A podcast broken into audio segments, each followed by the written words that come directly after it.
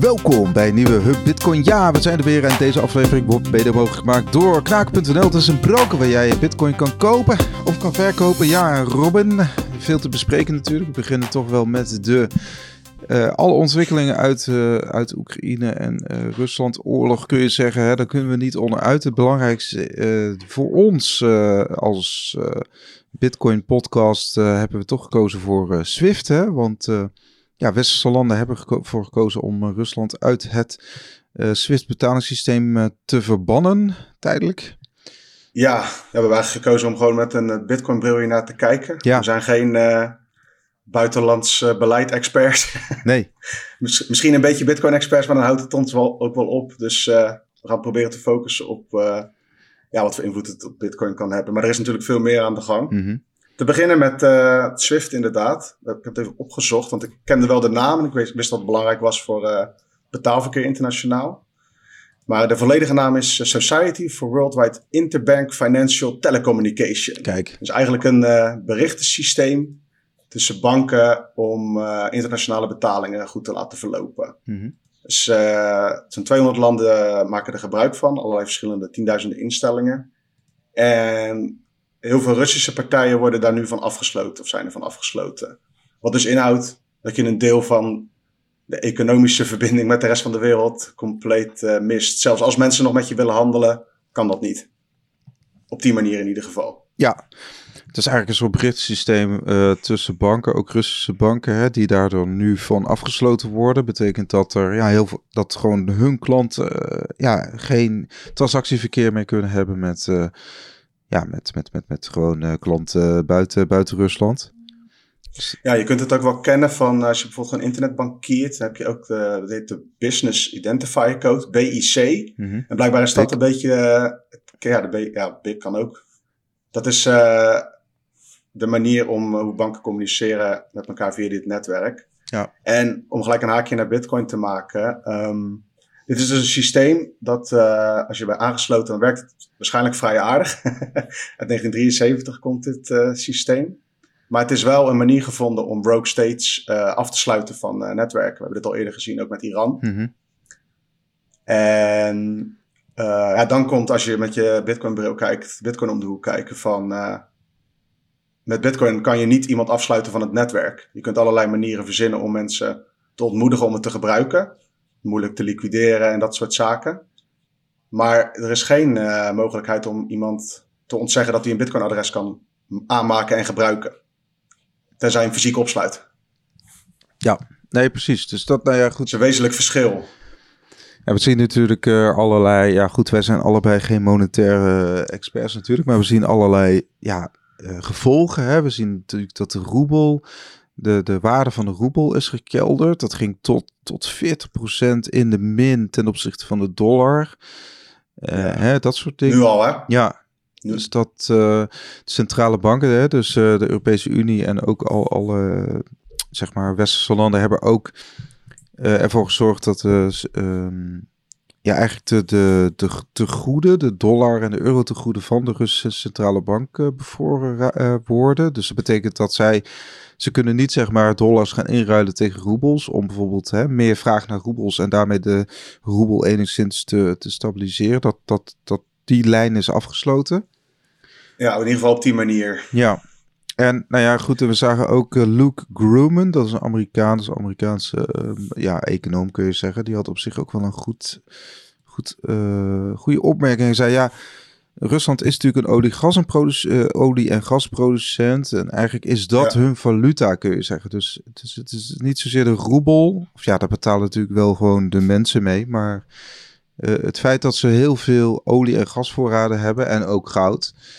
Dat is eigenlijk hun hun currency, net zoals Iran dat, dat ook uh, heeft natuurlijk. Ja, wat voorheen uh, goud was, is nu het, de olie daar in ieder geval. Ja. Van spreken. Ja. Naast dat ze ook goud hebben, hè, die Russen. Dus niet, uh, nee, precies. niet alleen maar olie en zo. Nou ja, en daar, daarmee wil hij het wel enigszins weer nuanceren in de zin van olie en gas, hè, dat, dat stijgt in prijs. Dus het stijgt in dollars. Ja, dat is wel, dat is wel een dingetje. Die aparte dynamiek. Want ja, Rusland is uh, qua landoppervlakte het grootste land ter wereld. er zit een hoop energiebronnen en andere grondstoffen daar. Ja, nou ja, we zien ook heel direct natuurlijk wat Bitcoin gerelateerd. We zien deze middag dat de prijs door de 40.000 dollar gaat. En we zien dat er want dat, dat is weer een andere. Daardoor, daar roept. Eh, we gaan even een beetje kriskras door allerlei onderwerpen heen. Maar. Ja, grijpen naar Bitcoin-onderwerpen rondom dit. Uh, ja. dit uh, gedoe. Nou ja, Oekraïne heeft dus opgeroepen om um, Russen af te sluiten van, van Bitcoin-exchanges, crypto-exchanges. Uh, maar bijvoorbeeld Binance en Kraken hebben gezegd, ja goed, dat, dat gaan wij niet doen. En we zien nu, deze, in ieder geval deze maandagmiddag, zien we dat het volume uh, Bitcoin roebel op Binance behoorlijk uh, is gestegen. Ja. En we zien ook dat de Bitcoin prijs ongeveer 11% is gestegen ten opzichte van de roebel. Ja, we zagen bijvoorbeeld ook de afgelopen 24 uur, en hebben dus alleen even naar Binance gekeken voor het gemak hoor. Maar dat er 43 miljoen dollar aan Tether tegenover roebel is verhandeld. Dus dat is ook een, dat is een off-ramp direct naar gewoon een synthetische dollar. Precies, want dat, dat kun je misschien ook wel hè, uh, als een gevolg zien van... Stel je bent, ja, je woont in Rusland, je hebt uh, wat spaargeld in roebels. Nou, dat wordt ineens dan 30, 40 procent minder waard. En je zegt ja, en je gaat naar je bank. Hè, of, mm -hmm. of mhm. je hebt nog een account bij Binance.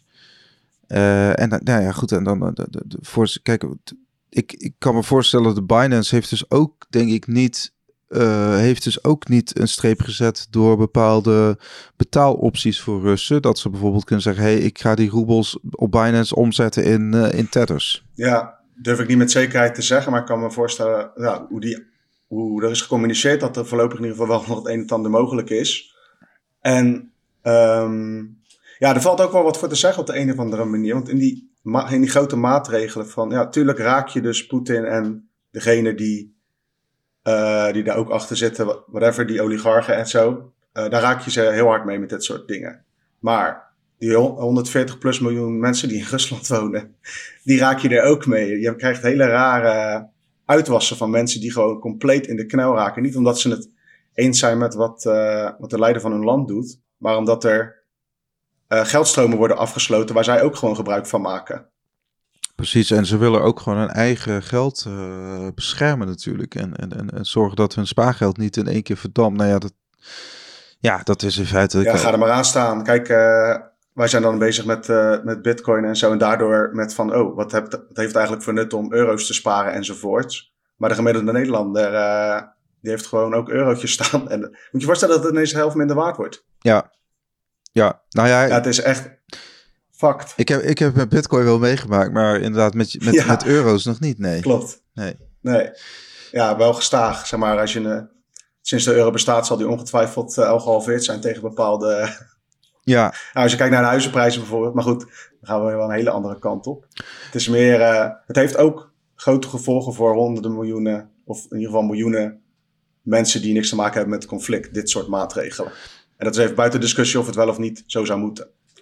Ja, nou ja, het, de, wat ik wel interessant vind van wel, hoe komt bijvoorbeeld Tether USDT uit deze strijd? Hè? Want we zagen natuurlijk, um, nou ja, de Russen kunnen, want ik weet ook niet hoe, hoe Russen zeg maar gemakkelijk uh, goud kunnen kopen, maar ik denk dat crypto, nou denk ik toch aan Bitcoin en Tether, dat dat vrij makkelijke, makkelijke toegangswegen heeft in tegenstelling tot, uh, tot goud. Maar goed. Ja, weet ik niet, maar... niet voor de gemiddelde mensen natuurlijk, maar wel voor de mensen die daarmee bezig zijn. Of die al alle er zijn nu hebben. Nog, er zijn nu nog manieren om, uh, om aan Bitcoin te kijken. Als jij een Bitcoin-adres kunt uh, projecteren naar de wereld ergens, of dat nou via Twitter is of via een ander platform of weet ik wat, dan kun jij daar geld op ontvangen. Ja. Maar ja, als je dat in de, out in the open doet, dan is jouw adres ook bekend. Wat ook weer gevolgen heeft. Want we hebben ook uh, gezien dat Bitcoin uh, gebruikt werd om te doneren aan het, onder andere aan het Oekraïnse leger. Ja. Nou, die posten dan zo'n uh, zo'n Bitcoin-adres, onder andere van waar je geld naartoe kunt sturen. Uh, maar als je dat dus on-chain doet zonder verdere privacy-maatregelen, dan indirect verbind je jou de rest van je transacties met zo'n Bitcoin-donatie aan in dit geval het Oekraïnse leger. Dat zijn allemaal dingen. In Nederland staat dat misschien wat, dan zorgt het misschien niet voor problemen, maar in andere delen van de wereld kan dat zorgen voor nare gevolgen. Dus het is niet zo dat je als je even Bitcoin ergens naartoe stuurt naar een case waar je het mee eens bent of niet mee eens bent om tegen te werken, dat, je, dat dat even anoniem is. Moet je heel goed opletten wat je aan het doen bent. Nou ja, je, kunt zeggen, hey, ik ga een deel van mijn bitcoin, die, dat is voor, dat, dat, dat is dan gewoon custodial bitcoin. Hè, de, want in principe, als jij je bitcoin al bij een beurs of broker zet, dan, dan, dan, dan kan er gewoon al met één druk op de knop, kan, kan, kan die bitcoin gewoon bevroren worden. Ja, en, ja, en dat is nu niet voor te stellen voor de gemiddelde Nederlander. Maar je hebt dus nu oproepen om Russen uh, te weren van grote exchanges. Als jij daar als Rus geld hebt staan, ja, dan zou ik peentjes zweten op dit moment. Dan zou ik niet uh, lekker gaan slapen. nee, nou ja, goed. In die zin is het ook wel vind ik het wel weer positief dat uh, Jesse Powell van Kraken en dus ook Binance zeggen van ja, goed, wij, wij gaan geen accounts of wij gaan geen Bitcoin-adressen van Russen blokkeren. Wij gaan geen accounts bevriezen, dat gaan wij niet doen. Hè, dat is de oproep van de Oekraïnse regering om dat te doen. En zij gaan daar tegen in. En ik denk dat dat, ja, uh, vanuit een Bitcoin-ideologie is dat, is dat gewoon wel het meest zuivere om, uh, om dat niet te doen natuurlijk.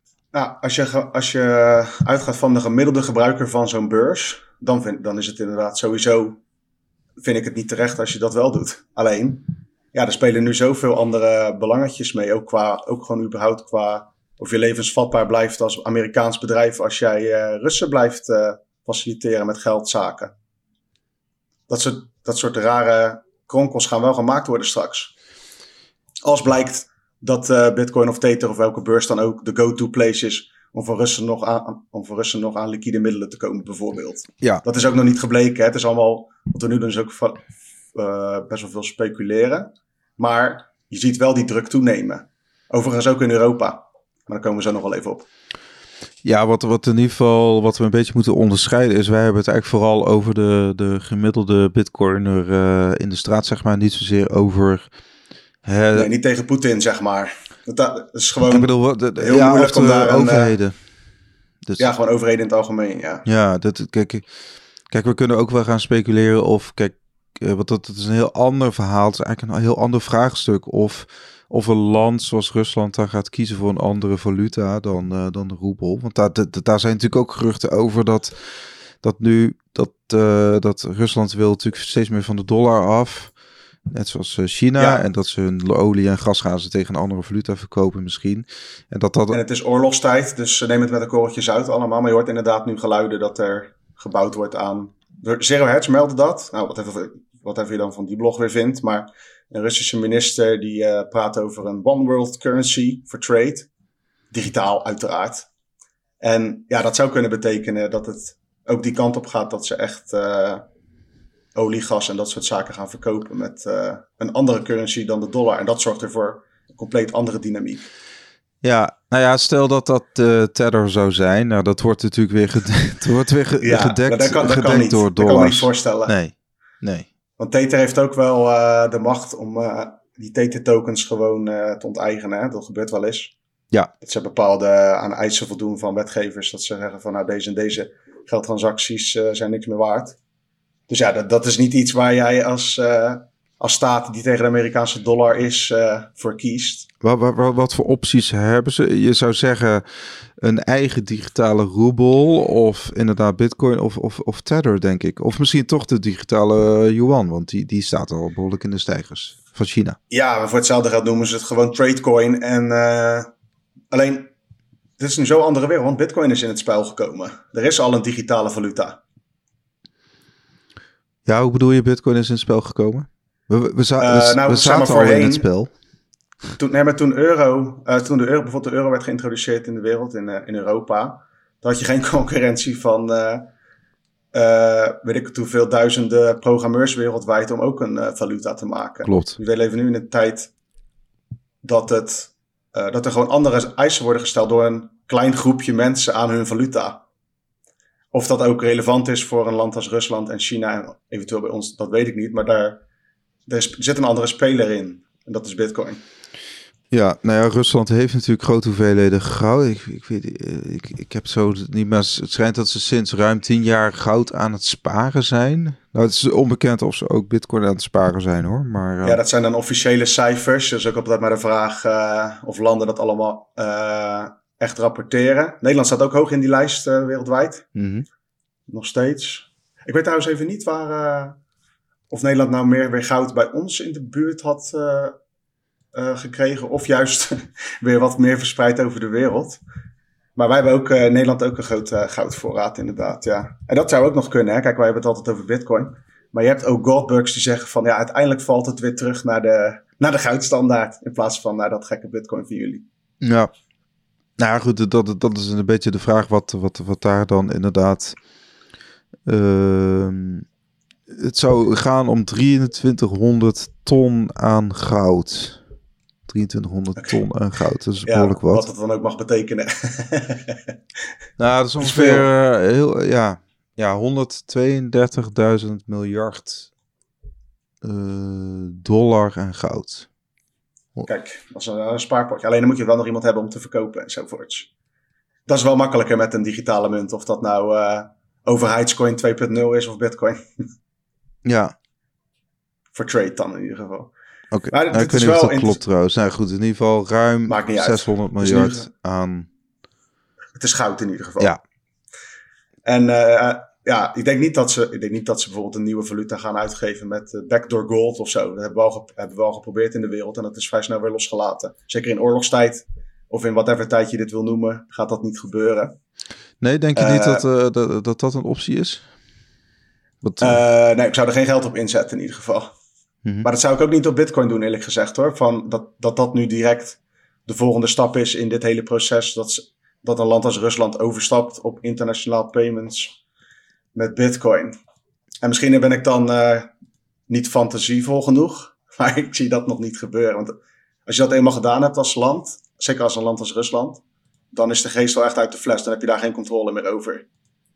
Ja. Denk jij uh, van wel? Denk jij dat er een kans bestaat dat, uh, dat we nu binnen een jaar horen dat de olie verkocht wordt met Bitcoin? Dat is echt nee. next level. Nee. Next level nee, nee. Uh, aanval op Amerikaanse dollar. Nee, nee, dat denk ik niet. Dat denk ik niet. Kijk, uh, het kan zijn dat Rusland kiest om, om gaandeweg uh, meer bitcoin zelf te gaan minen. Maar ik, ik, ik, ik zie echt geen... Nou, ja, als je het over bitcoin angle hebt, dat is dat is een ding wat ze natuurlijk heel veel hebben. Energiebronnen, ongebruikt. Nee, en als je scheid hebt aan de CO2 uh, pubs, dan kun je genoeg mining rigs neerzetten daar in, in Rusland. Als dat de strategie is. Want dat het is mij ook niet helemaal duidelijk of dat. er zijn altijd wel geruchtjes dat Poetin zogenaamd ook flink in Bitcoin zou zitten. Maar dat is nooit, voor wat ik heb gezien, in ieder geval nooit echt ergens hard gemaakt. Kijk, ja, het zou misschien, maar dan zou het altijd een mandje zijn van uh, goud, olie en gas of zo. Uh, die dan een soort dekking zijn voor een digitale roebel. Ja, en, dan, ja, en misschien dat daar, uh, kijk, en dan, dan kunnen ze daar op termijn kunnen ze daar Bitcoin bij voegen in dat mandje als, als dekking. Dat, maar dat zou kunnen. Maar, maar ik zie, dat zie ik gewoon niet zo snel. maar zeg, misschien is dat te weinig fantasieloos. Een soort, Tegelijkertijd, een soort grondstoffenroebel wordt het dan.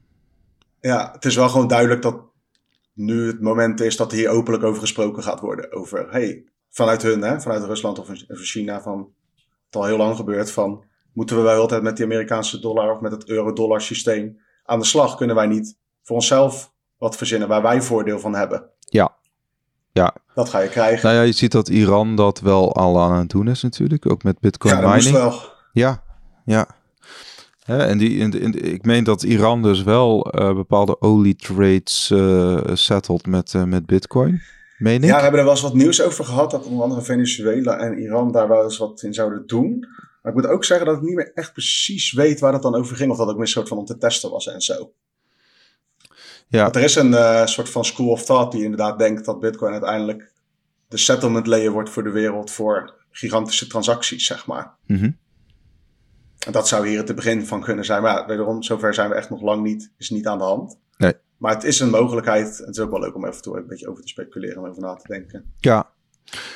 Nou ja, kijk, wat we in ieder geval, misschien dat is voor ons mee, mee, meer makkelijk, is, is we zien in ieder geval wel een meer vraag naar bitcoin op deze maandagmiddag. En we zien in ieder geval ook de volume, volumes bitcoin roebel, die zitten op een negen maandelijkse record. Uh, hoogste punt ja. is, is de afgelopen negen maanden.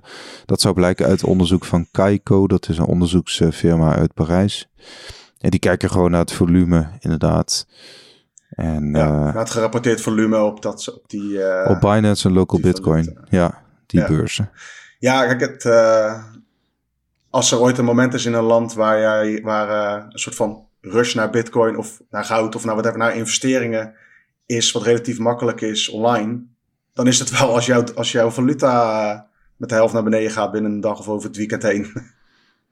Ja, ja, ik weet ook niet. Kijk, ik, ik kan me voorstellen als je stel dat je nu op de stoel zit van, uh, van, de, ja, van Poetin of van hè, die, die, ja, die hebben nu. Nou, liever, liever niet. Nee, maar die zitten, die, die zitten natuurlijk nu in de oorlog. Uh, je ziet, hij heeft zijn eigen munt, uh, wordt nu de nek omgedraaid. Dus die, die economie die stort misschien wel helemaal in elkaar. Dus ja, ik kan me niet voorstellen dat, dat Bitcoin nu ineens hoog op zijn lijst staat van prioriteiten. Nee, en eh, daarom is het ook wel inderdaad, dat geldt eigenlijk voor alles. Ook niet bij de gemiddelde mensen die er nu last van hebben. Die zijn nu niet bezig met, uh, oh, de Orange Coin, die ga ik eens eventjes lekker uh, even kopen. Een paar podcastjes luisteren en ik ga lekker uh, roebel uh, cost averaging doen. Nee. Daar geloof ik niet in. Het kan wel zijn dat, dat, dat dus Russen inderdaad die al een account hebben. Want we zien er gewoon de Bitcoin roebel uh, paar op Binance is, staat op, op 12% hoger. Dus de, de, hè, de roebelprijs, de Bitcoin uitgedrukte roebels, ja, die gaat natuurlijk omhoog. Ja. omdat de roebel ook instort. Dat is op zich een logisch gevolg. Maar dat het, ehm, ja, het is. Um, ik, ik, ik kan me voorstellen als je een account hebt bij Bitcoin en je hebt bijvoorbeeld, ik noem wat, uh, 1000 uh, euro in roebels, dan. dan, dan account bij Bitcoin? uh, bij Binance, dan ga je gewoon ja. Eh, Bitcoin kopen. Daarmee, denk ik. Dan. Op, op in ieder geval, ja. dat, die roebels, je moet van je roebels af. Want dat, dat, dat kan natuurlijk alleen maar erger worden. Ja, als je op die manier ermee bezig bent, wel. Ja. En dat is een beetje met dit, uh, met dit soort. Uh, ja, of je koopt een uh, Nintendo dingen. Switch of zo. Maar ik kan me voorstellen dat mensen gewoon dingetjes gaan kopen. Ik denk dat ze andere dingen, andere prioriteiten hebben. En dat is ook het moeilijke aan dit soort onderwerpen. Er zoveel verschillende dingen komen dan allemaal samen. Maar er vallen best wel veel dingen over rondom Bitcoin aan vast te plakken. Dat je denkt van, oké, zo zit het bij Bitcoin in elkaar. Zo zit het huidige systeem in elkaar. Hetzelfde gaat bijvoorbeeld voor die donatiegoals. Of voor die donaties van dat je er dus via Bitcoin gewoon geld naartoe kunt sturen. Zelfs als Rusland de macht had over het SWIFT-netwerk. Nee, ik moet anders zeggen. Als Rusland nu Bitcoin-donaties wil uh, accepteren, dan kan dat. Ondanks dat zij uit het SWIFT-netwerk zijn gegooid. Ja. ja. En dat is het, wezenlijke verschil. Nou ja, Wederom, dat, dat, het is niet uh, dat, dat, privacymatig, is het heel dom om on-chain naar wat van ook zomaar te sturen. mm -hmm. Maar het kan wel. Nou ja, dat, zo zou het ook moeten zijn. Hè? Kijk, en dat, dat is niet wat, uh, wat natuurlijk centrale overheden, overheden willen. Hè? En, en politici en, en absoluut die in, in de Kamerleden in Den Haag willen dat absoluut ook niet. Dat, ja, dat, dat ze kunnen niet ingrijpen. Nou ja, ze kunnen die zin ingrijpen. Ze gaan dus ingrijpen bij de off- en on-ramps. En dat zijn de. Ja, dat is wel een goed bruggetje om even uh, over door te gaan. En dat, dat zijn natuurlijk de, de beurs en de, en de brokers. Dus eigenlijk kun je zeggen: oké, doneer jij Bitcoin, dan is jouw Bitcoin custodial en uh, is jouw privacy gewoon uh, weg. En ook als je Bitcoin wil kopen of wil sparen, je doet dat via een beurs en een broker, ja, dan dan loop je altijd de kans dat het bevroren uh, wordt door, door een centrale macht. Ja, uh, en de gemiddelde Nederlander heeft daar op dit moment geen nee, last van. Nee, wij, wij niet, nee. Het is ook gewoon een uh, soort van, ja, je zit nu gewoon aan de kant waar dat dan niet gebeurt. Maar voor hetzelfde geld heb je over vijf jaar een mening die niet in het goede kader past. En dan word je ook afgesloten. En dat is een beetje het, het gevaar met dit soort dingen. Want laten we eventjes uh, nou ja, Christine Lagarde ja, precies. Pakken. Christine Lagarde heeft natuurlijk gezegd... er is gewoon aanvullende uh, bitcoin-wetgeving nodig. Want kijk, ja. zij zien natuurlijk een scenario voor zich... dat misschien uh, Poetin wel gaat kiezen voor bitcoin. Ja, en dan, dan, dan wil Europa ook met sancties komen natuurlijk. Ja, en, en dan heb je een heel ander, heel ander speelveld. Want dan dan komt Bitcoin ineens in die, uh, in die uh, hoe noem je dat? Die, die, die orkaan, de oog van het orkaan. Uh, van de, de, de, tornado komen ze terecht. Ja, het wordt echt een kwestie. Kijk, dit is ook een moment om als jij bepaalde regelgeving erdoor wil drukken. dan kan je dan mooi aan Rusland-Oekraïne hangen. Ja. Als soort van reden. Want dit, ook dit raakt een gemiddelde Bitcoiner die in Europa woont ook Het is niet alleen de boeven die dan zogenaamd niet hun geld ergens naartoe over kunnen maken via een platform die al identiteit vereist. het wordt strenger. Er komen meer strenge regels voor uh, Bitcoin-opnames en Bitcoin-betalingen en dat soort zaken. En dat begint in Europa vaak gewoon klein met regeltjes en registraties voor bedrijven en zo. Maar tot nu toe is er geen moment geweest dat dat langzaamaan wordt teruggedraaid. Het gaat alleen maar de andere kant op. Ja. Ja, want we kennen ook de verhalen van uh, via via van een Russische developer uh, die hier in Amsterdam woont en een doodzieke vader had. En twee weken geleden kon hij nog zijn euro's overmaken, maar nu kan het niet meer. Hè? dus ook, hè, ik kan me voorstellen dat ook in Rusland initiatieven ontstaan om Bitcoin te gaan accepteren. En ja, als die wegen worden afgesloten, ja, dat, ja, dat ja, kan niet. Op het netwerk zelf kan het dus niet worden afgesloten. Alleen als, als jou en mij verboden wordt om daar geld naartoe te sturen, ook al is het gewoon iemand die er niks wat mee te maken heeft, uh, dan zijn wij zelf strafbaar, ondanks dat we het via Bitcoin doen. En dat, dat soort geldstromen kunnen worden, of nee, ja, kunnen niet worden afgesloten, maar kan wel heel erg ontmoedigd worden. Ja, kijk, iedereen moet uiteindelijk natuurlijk voor zichzelf bepalen of ik heb ook nog een beetje bitcoin gewoon bij een custodial staan. Uh, maar weet wel dat dat er eventueel in een, in een, in een, in een donker uh, zwart scenario uh, zou dat kunnen gebeuren. Dat, dat, dat die bitcoin bevroren wordt. Ja, dat, dan moet je... Alles komt met trade-offs. Dan moet je dat wel kunnen missen. Of, hè? Ja, om even terug naar Lagarde. Even kort, want het ging over wetgeving die ze nodig zouden hebben om virtuele assets te vangen in een wettelijk kader. mm Terwijl ze aan de andere kant ook aangaf dat criminelen altijd een manier zouden vinden om het verbod te omzeilen. Kijk, dat is, dat is precies wat uh, wij het dan over hebben van uh, wie raak je nou met, zo, met die regels? Ja. Als jij een criminal enterprise organiseert of je bent daarmee bezig en je bent fondsen aan het werven, dan ga je toch niet met jouw gewoon normale ID-kaart naar de gemiddelde beurs toe en zeggen van hé, hey, ik kom hier wat geld witwassen. Dat gaat al op andere manieren. Ja. Nee, inderdaad. inderdaad. Dus dat, dat, dat speelt zich niet uh, in die, uh, die, die, die, die, die verkokerde KYC-wereld af, nee. Maar ik snap wel dat het gebeurt. Want het is natuurlijk perfect uh, punten scoren, politiek gezien. En ondanks dat ze bij de Europese Centrale Bank zit helemaal aan de top. Is toch ook politiek vooral. en nou ja, het, kan, het, ja, het is logisch dat dit genoemd wordt. Ja, nou ja, kijk, het, het kan dus onder de paraplu van, uh, onder de paraplu van maatregelen tegen Rusland. Uh, daar kan Bitcoin. Het, het, het kan een. Ja, goed, nogmaals, we zijn e enigszins het speculeren in deze aflevering. Maar ja, dat kan natuurlijk uh, dat Bitcoin ook. Ehm, daar, daar weer extra maat. Dat er gewoon dat onder het mom van de Mika. We hebben natuurlijk de, de Mika in Europa. Dat is eigenlijk een, een, een, raamwerk aan regels waarmee dus Bitcoin en ook andere cryptovaluta worden uh, hè, uh, gereguleerd of gelegaliseerd, kun je zeggen. Ja, dat gaat dan vooral wel om de bedrijven eromheen, zeg maar, of de participanten op het netwerk. Bitcoin zelf uh, heeft Europa weinig over te zeggen. Maar je kunt wel dingen binnen je landsgrens of binnen jouw territorium stimuleren of juist niet stimuleren. Ja, Bitcoin heeft eh, in die zin ook wel weer een andere positie, omdat het. Uh, het is eigenlijk een soort technologische laag, kun je zeggen. Het is niet echt een project.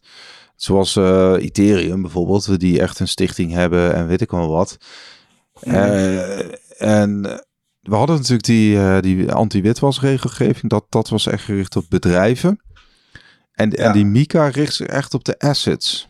Dus Oké, dus dat wordt wel meer gestuurd weer naar die kant op. Oké, ja, ja, die gaat echt kijken van wat, wat zijn dit? Is dit een, een commodity of is het een effect? Of uh, weet je wel, moeten we het in dezelfde, moeten we...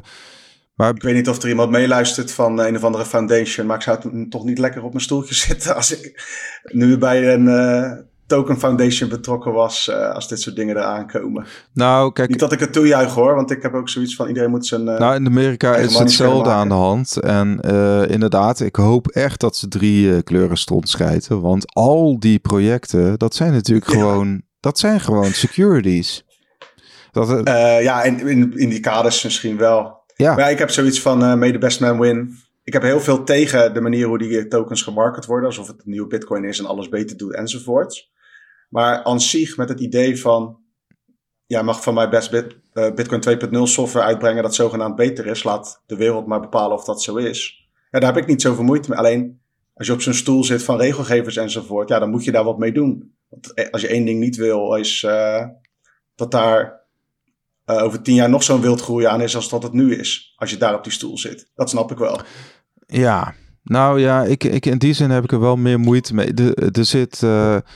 Kijk, iedereen moet, moet, moet, het inderdaad zelf bepalen. Maar je hebt natuurlijk ook allerlei fondsjes. Die heb je in Nederland ook. En, en die, die fondsjes gaan dan ook weer investeren in, in, in tokens. Inderdaad. Ja, ja, ja. Dus, maar dat zijn samen een soort van die uitwassen waar ik ook niks mee te maken meer wil hebben. Het is alleen meer. Um... Dus ze hebben veel meer een kill switch. Hè? Er zit veel meer kill switch. Uh, er zitten veel meer kill switch knoppen op. Ja, maar, ik het zo, zeg maar als die regelgeving al zo streng was en duidelijk in kader gebracht voordat Bitcoin bestond, dan had het al vanaf het begin af aan heel veel tegengas gekregen. En ondanks dat ik denk dat de, ik, ik heb alleen maar Bitcoin op dit moment uh, qua crypto's en waarschijnlijk voorlopig of uh, voor altijd. En euro's, hè? Je hebt ook nog euro's. En nog wat oh, en euro's, ja. Dat zijn dan tegenwoordig ook uh, digitale munten, gelukkig. maar um, dan ben ik even mijn train of thought kwijt. Wat je dus krijgt, is dat je ontwikkelingen tegengaat, ook bij Bitcoin. Als die regels al bestonden voordat Bitcoin uh, groter werd, dan was het al veel eerder, hadden ze het al veel eerder kunnen stoppen. Dus je moet uitkijken dat je regels in place zet die, die uh, ontwikkelingen tegengaan. Maar ik zie ja, aan de andere kant, ik dat ook, tegenovergestelde gaat gebeuren. Tegenovergestelde gaat gebeuren. Al die foundations worden aangepakt denk ik, op termijn. Ja, maar die, ja, goed, kijk, die, die, die kunnen zichzelf ook weer uitkopen. Want dat, dat gebeurt natuurlijk ook met, uh, met Bit, ja. Bitmax en, en Tether. En, en, en, en, dus, en EOS kreeg natuurlijk ook gewoon uh, een, een boete van 11 miljoen uh, dollar, waar het nergens over ging. Maar goed, we, we dwalen nu heel erg ver af. Maar ja, tegelijkertijd ook niet, want je kunt het wel wat, wat breder bekijken van wat voor implicaties het gaat hebben op de industrie. En ja, als jij dus een klein netwerkje runt. Waar een uh, foundation van 10 man achter zit. En die hebben een uh, ICO gedaan en een van de crap token uitgegeven. En daar zit wat geld. En daarvan gaan donaties naar plekken waar die naartoe moet gaan. Je komt straks in een territorium dat jij daar als netwerkprovider, uh, hoe je het ook wil noemen, verantwoordelijk voor wordt geacht. Hmm. En dat gaat zorgen voor uh, heel veel gezeik. Ja, ja, en ja, Bitcoin is een technologielaag. Uh, daar is niemand eigenaar van. Natuurlijk zijn er binnen, uh, je kunt zeggen, je hebt bepaalde entiteiten. Als je gewoon ook kijkt naar de, ik noem wat de rich uh, top 100 list van Bitcoin-adressen. Tuurlijk, die, die hebben meer tickets om toegang te krijgen. Je kunt zeggen, als zij naar de Efteling gaan, dan kunnen zij gewoon een jaar lang, kunnen zij, hebben ze altijd toegang. Zij kunnen het hotel, wij moeten op de camping. Ja, ja, ja, ja. Ze hebben, ze hebben wel, ze hebben gewoon meer bitcoin. Dus ze kunnen altijd, ze hebben altijd toegang tot dat netwerk. En, en, en als jij. Er zal altijd iemand zijn die meer heeft dan ik. Dat vind ik niet zo erg. Als je een hutje op de hei in, uh, in Burkina Faso zit. Uh, en je hebt ook überhaupt geen on-ramp naar bitcoin toe. Ja, dan wordt het een heel ander verhaal. Ja, hij is zo. Het zijn al verschillende perspectieven. En uh, nou, wat ik wel nog. Er zal ik een paar Twitter-draadjes voorbij komen mm -hmm. over Bitcoin mining censorship, over uh, eventueel transacties naar bepaalde Russische adressen en zo die dan op een lijst zouden staan. Ja, ja. Dat kan bij Bitcoin ook, hè? Dat de Bitcoin mining pools zeggen van, ja, die transacties gaan ja. we niet verwerken, want ze kiezen hem zelf. Ja. Alleen bij Bitcoin werkt de incentive zo dat je daar eigenlijk niet geneigd, dat niet geneigd bent om te doen als miner, want dan verslechter je je eigen concurrentiepositie, want een ander doet het wel. Ja, was er niet een Russische mining pool die dat overwoog? Of was Ik heb het niet gevolgd, uh, dat, uh, dat okay. Misschien heb ik het, dat wel gelezen, maar... Ja, dat was een tijdje terug hoor. Dat was vorig jaar een keer okay. dat, dat... Nou, in Amerika was er ook een, uh, gewoon een uh, bedrijf opgericht die dat ook ging doen. En dan ESG, Huppelde Pub, groene transacties ging alleen maar ging verwerken en zo. Oh ja. ja dat Bitcoin-netwerk Bitcoin werkt niet zo. Die gaat dat niet belonen, laat ik het zo zeggen. Ja, nou ja, dat is weer een heel ander thema. Ja, nou, het is meer qua censuur en zo, ja. zo in de zin van op protocolniveau. Het is volgens de, uh, de regels van Bitcoin. Miners bepalen welke transacties ze verwerken. Alleen, de incentive is zo dat je gewoon de transacties in principe neemt waar je het meeste mee verdient. Nou, interessante vraag is natuurlijk 10% van de rekenkracht komt uit uh, Rusland, uh, na schatting van, het reken, ja. van de rekenkracht. Dus ja. Ik denk dat wel altijd met een korreltje zout die percentage. Want dat is bij, uh, bij Cambridge bijvoorbeeld naar 0% gegaan in China. Dat vind ik een beetje overdreven. Mm Ja, nou ja, dit, dit cijfer komt ook van Cambridge volgens mij. En ja. nou, 10% is nog steeds significant. Ja, wat gaat daarmee gebeuren? Hè? Want die moeten hun equipment ook met roebels kopen misschien. Misschien hebben oh, ze... ja. Hè? Of misschien, want we zagen al... Uh... Niet zeg. Misschien kunnen die wel niet afnemen bij bepaalde partijen. Nou, dat weet ik niet. Ja, nou ja, goed, uh, kijk hoe dat ontwikkelt. Nou ja, we zagen, als we het dan toch over bitcoin mining hebben, maken we dat bruggetje ook gelijk. We zagen natuurlijk dat Intel ook afgelopen week in het nieuws kwam. Want zij, zij beweren in ieder geval dat zij, ze kunnen zeg maar tegen de helft van de uh, kostprijs die Bitmain uh, rekent voor hun Bitmain S19 Pro, kunnen zij een vergelijkbaar... Um, kunnen zij vergelijkbare uh, chips maken. Die zegt, dat beloven ze nu dan? Of wie, is dat wordt geïnterpreteerd? Of? Die dan ook nog 15% meer efficiënt zijn. Ja, dat is de belofte dan. Moeten in de praktijk kijken. Uh, want dus, Blok is, en nog een miner hebben, dat, hebben de eerste batch volgens mij uh, gepreorderd, als ik het goed begrijp. En die Bonanza miners, ja. ze, leuke naam. Die, ja, die komen dan dus in het wild te, te strijden om Bitcoin. En dan gaan we zien hoe het precies uitpakt. Maar het is wel echt een interessante move. Want Intel is ook een bedrijf. We hebben het net even zitten opzoeken voordat we gingen opnemen. Uh, er zitten op verschillende plekken in de wereld hebben ze fabrieken. Ja, want het, het gaat niet zo uh, in het... gecentreerd in een bepaald land. Nee, precies. Dat is de website Tom's Hardware. En dat gaat dan over een SEC-filing die zij hebben uh, onderschept van Intel. Want dat is beursgenoteerd, dus die moeten hun uh, bedrijfsinformatie openbaar maken bij de SEC. Dus de beurswaakhond. Uh, staat in ieder geval second gen Bonanza Mine. Dat is de BMZ2 Bitcoin miners. Uh, die hebben 135 terahash per seconde aan capaciteit. nou, het zal in ieder geval een lagere kostprijs hebben. En ze zijn ook 15% meer efficiënt dan de chips die in die S19 Pro zitten. En je hebt natuurlijk uh, Grid, dat is een Bitcoin mining company. Die gaan dan die Bonanza mine uh, systemen al uh, zeg maar op het netwerk gebruiken. Dat is echt een interessante move voor, want je hebt in principe Bitmain en je hebt die andere afsplitsing van hun. Die hebben eigenlijk heel lang de lakens uitgedeeld. MicroBT. MicroBT. Ja, die, die, ja. En dan daarachter heb je er nog wel een paar, maar die zijn eigenlijk niet, hebben niet een gigantisch marktaandeel. En nu komt ineens Intel als gewoon een gigantisch uh, chipbedrijf die al decennia lang uh, een grote naam is in de industrie. En als zij marktaandeel kunnen pakken, want de volgende minerplannen liggen al klaar blijkbaar, dan wordt dat echt een grote speler in het Bitcoin mining landschap. En dat is interessant, ook met dat geopolitieke in het achterhoofd van Intel zit op verschillende plekken. Dus zij moeten straks ook een keuze gaan maken waar ze gaan specialiseren in die Bitcoin miners. Ja, ze zitten Amerika, Israël, Ierland en Maleisië. Dat is in ieder geval waar zij die 7... Want het gaat volgens mij over die 7 nanometer uh, chips... Uh, die in die uh, Bonanza uh, okay. zitten. Ja, en dan heb je ook nog dat ze keken naar uitbreidingen, onder andere in de Verenigde Staten en zo. En eventueel in Europa nog een nieuwe in Duitsland. Okay. Dus om aan te geven dat het dus niet alleen maar Aziatische um, fabrieken zijn. Ja. Juist een andere markt. En dat is wel interessant. Ik had, zat Tales van the Crypt uh, te luisteren. En uh, mm. toen zei er eentje van... Uh, nu kunnen we kiezen tussen een mining rig met Chinese backdoors... of met Amerikaanse backdoors. ja, ja, ja, ja, ja. In plaats van maar één markt. Ja, dat is wel een, altijd wat op de loer ligt... bij wat voor bitcoin dingen dan ook. Het is wel van belang dat het allemaal zo clean en neutraal mogelijk is. Want aan de andere kant van het spectrum zie je dus uh, Blok of Spiral die bezig zijn met uh, open source mining uh, rigs uh, ja. te, te delen. Dat is een compleet andere business aanpak dan Intel. Ja, nou, de komst van Intel heeft in die zin zorgt dus voor meer concurrentie. We zien dat de prijzen van mining rigs dus ook weer dalen. Nou, wat betekent dat? Dat betekent dat miners dus idealiter kun je zeggen voor dezelfde dollar of hè, kunnen ze meer uh, capaciteit kopen. Dus zou, dan zou je verwachten, hey, uh, dan als je bij een bitcoin miner bent, dan hoef je minder bitcoin te verkopen. Dus dat zou betekenen dat er in ieder geval minder bitcoin in omloop komt. Maar goed, dat is een beetje speculeren misschien. Dat is speculeren, maar als je ervan uitgaat, zeg maar, dat die uh, bestellingen voor de populaire miners van nu, die al uit zijn, die lopen echt tot, tot 2023.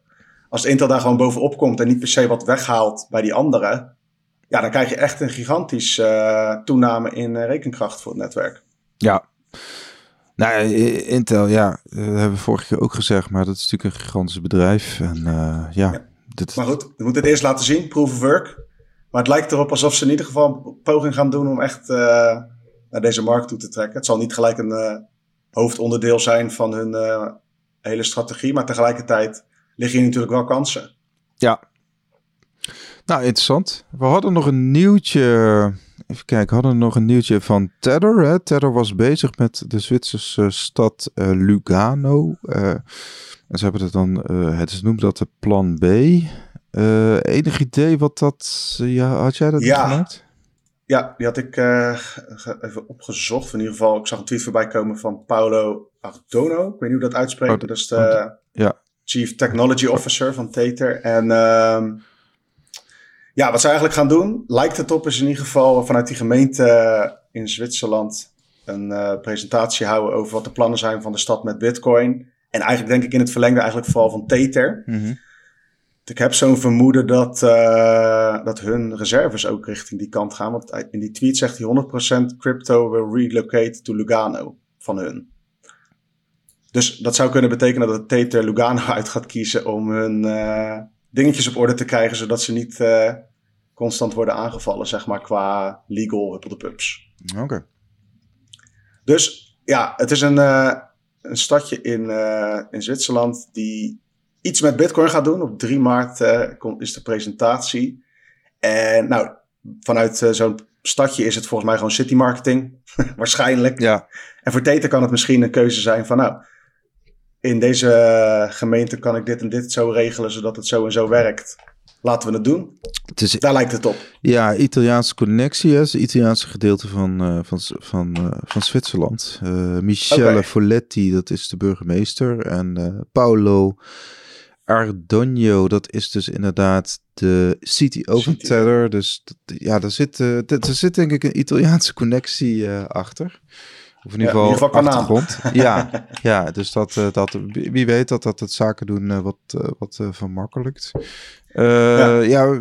Ja, we gaan het zien natuurlijk. Ja, Zwitserland ehm, financieel neutraal, maar goed, zij, zij overwegen ook misschien. nou, te... ja, die zijn ook niet meer echt neutraal, nee, want nee, die zijn ook gewoon publiekelijk bezig met bepaalde dingen voor Oekraïne doen. Ja, dat is ook, ook zo'n shift dat je denkt van ja, we zitten eigenlijk weer in een andere tijd toch weer. Dat je denkt van uh, Zweden, Zwitserland die gewoon actief uh, ook mee gaan doen in wereldproblematiek. Uh, terwijl die normaal juist zo neutraal mogelijk zijn. Ja. Maar dat terzijde. Nee, precies. Dus nou ja, goed, dat, dat is iets om in de gaten te houden. Inmiddels is de prijs door de 41.000 ge, geknald. dus we zien inderdaad dat ehm, ja, we zullen ook wel veel geruchten gaan zien en een soort van logische stappen van Rusland, Rusland naar Bitcoin en zo. Maar ik, zou, ja, ik acht die kans gewoon niet zo groot. We kunnen wel nog eventjes uh, een beetje over speculeren in de zin van... Uh, het zou wel echt een target op Bitcoins rug als geheel zetten... als Rusland ineens publiekelijk nu allerlei dingen gaat omzeilen via Bitcoin. Ja. Daar is Bitcoin voor gemaakt, zeg maar in de zin van... Het is gemaakt om niet te, te houden aan de regels op onze aarde, maar gewoon alleen op het netwerk. Mhm. Maar het zou niet per se uh, good news voor bitcoiners zijn, individuele bitcoiners. Kijk, voor de prijs zal het allicht uh, hele gekke dingen doen. Maar voor de gemiddelde bitcoiner betekent het niet dat je, uh, nadat dat bekend wordt, nog net zo makkelijk met bitcoin om kunt gaan als dat je nu doet, denk ik. Nee, nee, ik denk wel dat je daar een plan voor moet maken, persoonlijk plan. In die zin van, uh, ja, de, de, ze hebben het altijd over um, diversificatie. Nou, als bitcoiner moet je misschien denken aan verschillende beveiligingsstrategieën uh, of hè, uh, zeg maar hak je, hak je bitcoin bezit in stukjes en kijk gewoon inderdaad wat, wat wil je bij een custodial kwijt en wat wil je echt een eigen beheer kwijt op een hardware wallet of op een andere manier.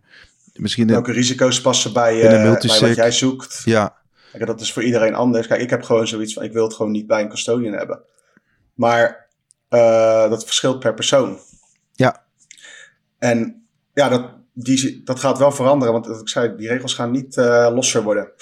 het wordt moeilijker om bitcoin van, je, van jouw uh, beurs of broker naar, naar keuze af te halen, naar je eigen wallet te sturen en daar weer gebruik van te maken. Ja. En in Nederland is het tegenwoordig ook zover dat je overal en nergens je overal moet identificeren. Dus die databases liggen ook overal en nergens als je niet uitkijkt met een hack. Of het ligt in ieder geval bij de autoriteiten. ja. Dus het zijn allemaal dingen om mee te nemen in je, in je beslissingen. Tegelijkertijd, ja, we zijn misschien ook een beetje, ik ben een beetje zwartgallig gewoon omdat het allemaal uit de klauwen loopt nu daar in Oekraïne enzovoorts. Dus, maar dat zijn wel scenario's waar je rekening mee moet houden. Dat het zo kan zijn dat er op termijn een push komt richting uh, het ontmoedigen van bitcoin gebruik. Zeker als je die stappen maakt naar digitale valuta uit, vanuit bijvoorbeeld Europa. Central Bank Digital Currencies. Uh, voor het laatste nieuws kun je naar bitcoinmagazine.nl. En uh, je kunt ons ook uh, volgen op allerlei socials natuurlijk. We hebben een hele leuke Telegram groep. Ga naar de Facebook groep of ja, volg onze berichtjes op Twitter. En ik zou... YouTube. YouTube inderdaad. Ja. En nou, ik zou zeggen... Ja, keep calm, keep cool en hold your bitcoin. Precies. En Vergeet de podcast niet te volgen trouwens op de podcastplatform waar je naar luistert. En uh, ja. thanks, zijn we de volgende week weer. Hopelijk hebben we dan een wat vrolijkere aflevering. Maar uh, we gaan ons best doen om die nieuwtjes in ieder geval te verzamelen. Kunnen we de volgende keer vrolijk afsluiten. Inderdaad. Ja, nou, oké. Later. Doei doei.